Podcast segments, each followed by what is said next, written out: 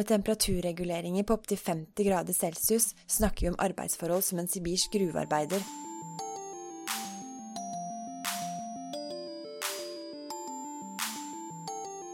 Hei og velkommen til en ny episode av Sykepleiens podkast. I sin faste spalte Liv laga har sykepleier Liv Bjørnhaug Johansen denne gangen gjort seg noen tanker om hjemmetjenestens utfordringer med hensyn til klima og klær. Hver vinter når gradestokken kryper under 15 blå, trapper og parkeringsplasser er dekket av blåis, og alle landets parkerte biler må graves og skrapes fram fra snø og is, går mine tanker til hjemmesykepleien. Min egen hjemmesykepleiepraksis fant sted to kalde vintermåneder.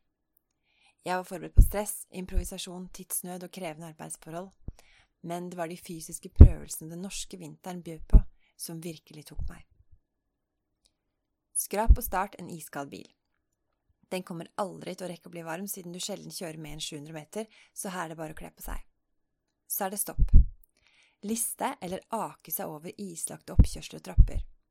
Hos gamlinger som er inne hele vinteren, er det ingen som strør, og det har ikke hjemmesykepleien noe vedtak på at de skal gjøre heller, så her er det om å gjøre å ta det pent og forsiktig.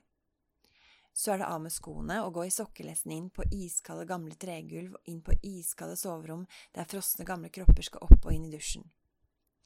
Og skal i dusjen, vil de gjerne ha opp varmen. 30 grader er fint. Og når dampen stiger og stråleovnen griller nakken din, er ullundertøyet som virket som en kjempeidé for et kvarter siden, nå din verste fiende.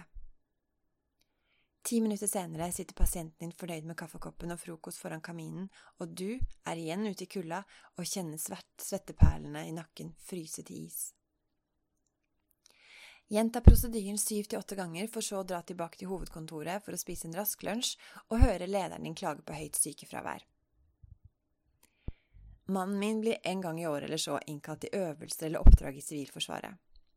Derfor har han fått en kjempebag full av state of the art absorberende, temperaturregulerende mikrofiber, ull, flis og Gore-Tex for enhver årstid som kan dekke han fra stortærne til nestippen. Politi og forsvar har egne vinteruniformer, og alle landets vei- og skinnarbeidere er pent pakket inn i varme klær og sko fra arbeidsgiver. Hjemmesykepleierne får den klassiske helsevesenpysjen eller ingenting.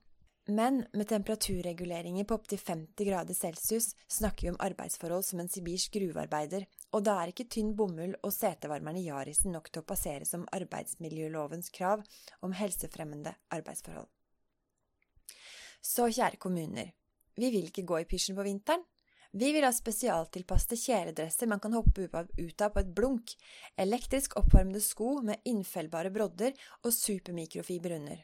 Få det på plass, så kan dere få lov til å snakke om sykefravær. Det var Liv Bjørnhaug Johansen med sin faste spalte Liv laga. Om du vil høre flere episoder av Sykepleiens podkast, så finner du alle sammen på sykepleien.no, på iTunes og på podbean.com. Om du bruker iTunes, så setter vi pris på en liten anmeldelse eller vurdering, og du kan også sende inn det du måtte ha av kommentarer og innspill til redaksjonen at sykepleien.no. Du når oss også via Sykepleiens Facebook-side eller vår Twitter-konto. Jeg heter Ingvald Bergsagel. Vi høres.